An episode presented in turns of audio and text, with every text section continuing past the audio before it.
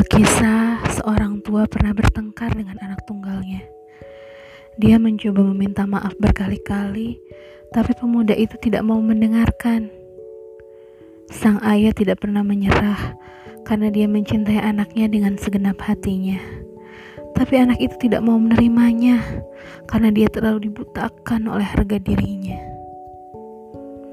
Tahun-tahun berlalu, dan saat orang tua itu terbaring di ranjang, Menuju kematiannya, ia melakukan usaha terakhir untuk berdamai dengan anaknya.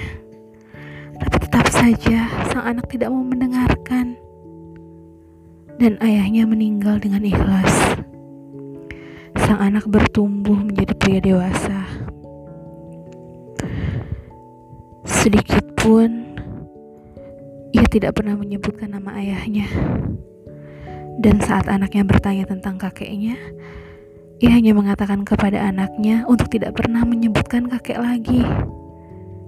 Pada suatu hari, mereka terlibat pertengkaran sengit dan anaknya melarikan diri seperti yang dilakukan ayahnya puluhan tahun sebelumnya.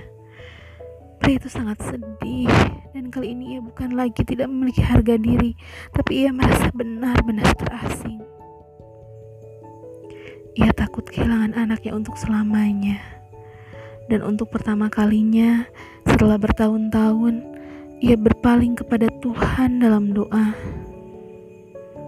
Pada saat itu ada sesuatu yang memenuhi hatinya dan ia menyadari bagaimana perasaan ayahnya bertahun-tahun yang lalu.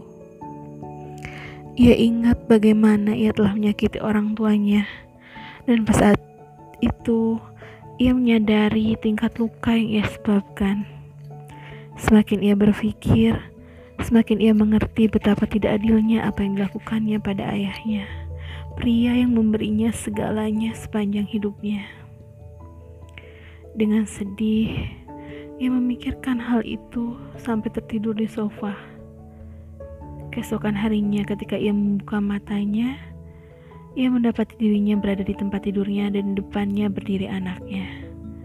Pria itu tidak percaya dengan apa yang dilihatnya Keduanya saling berpelukan hingga mereka menangis bersama.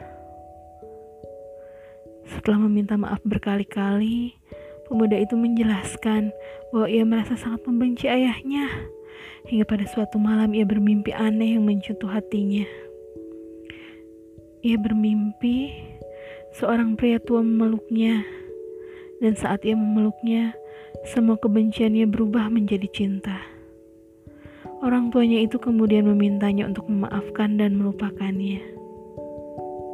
Begitu ia terbangun, ia berlari ke rumah ayahnya.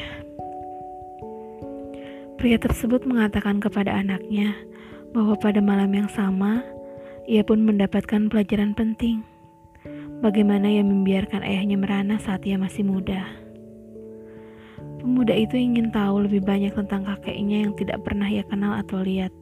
Dan inilah saat yang paling tepat. Pria itu menghampiri rak buku tua dan mengambil sebuah album keluarga tua.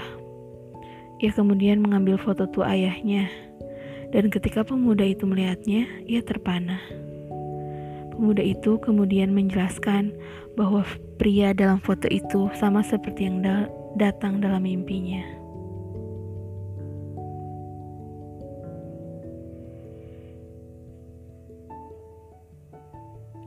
Tahukah kamu, menyimpan dendam di dalam hati sama seperti kita membawa beberapa kentang setiap hari dalam saku atau dalam sebuah tas plastik. Awalnya biasa saja, tidak terasa berat, tapi kentang yang awalnya segar itu kemudian mulai berubah rupa dan bahkan berubah bau. Kalian bayangkan rasa dendam itu ada dalam hati kalian. Seperti kentang-kentang yang membusuk tadi ada di dalam hati kalian. Maukah kalian memeliharanya? Apakah keuntungannya kalian masih menyimpan dendam di dalam hati kalian?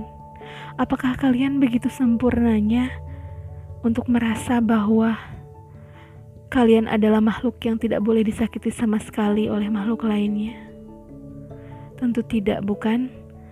kalian pun pernah melakukan kehilafan, dan setidaknya kalian pun ingin dimaafkan. Semoga dengan cerita tadi itu menjadi refleksi bagi kita untuk tidak menyimpan dendam dan mudah memberi maaf.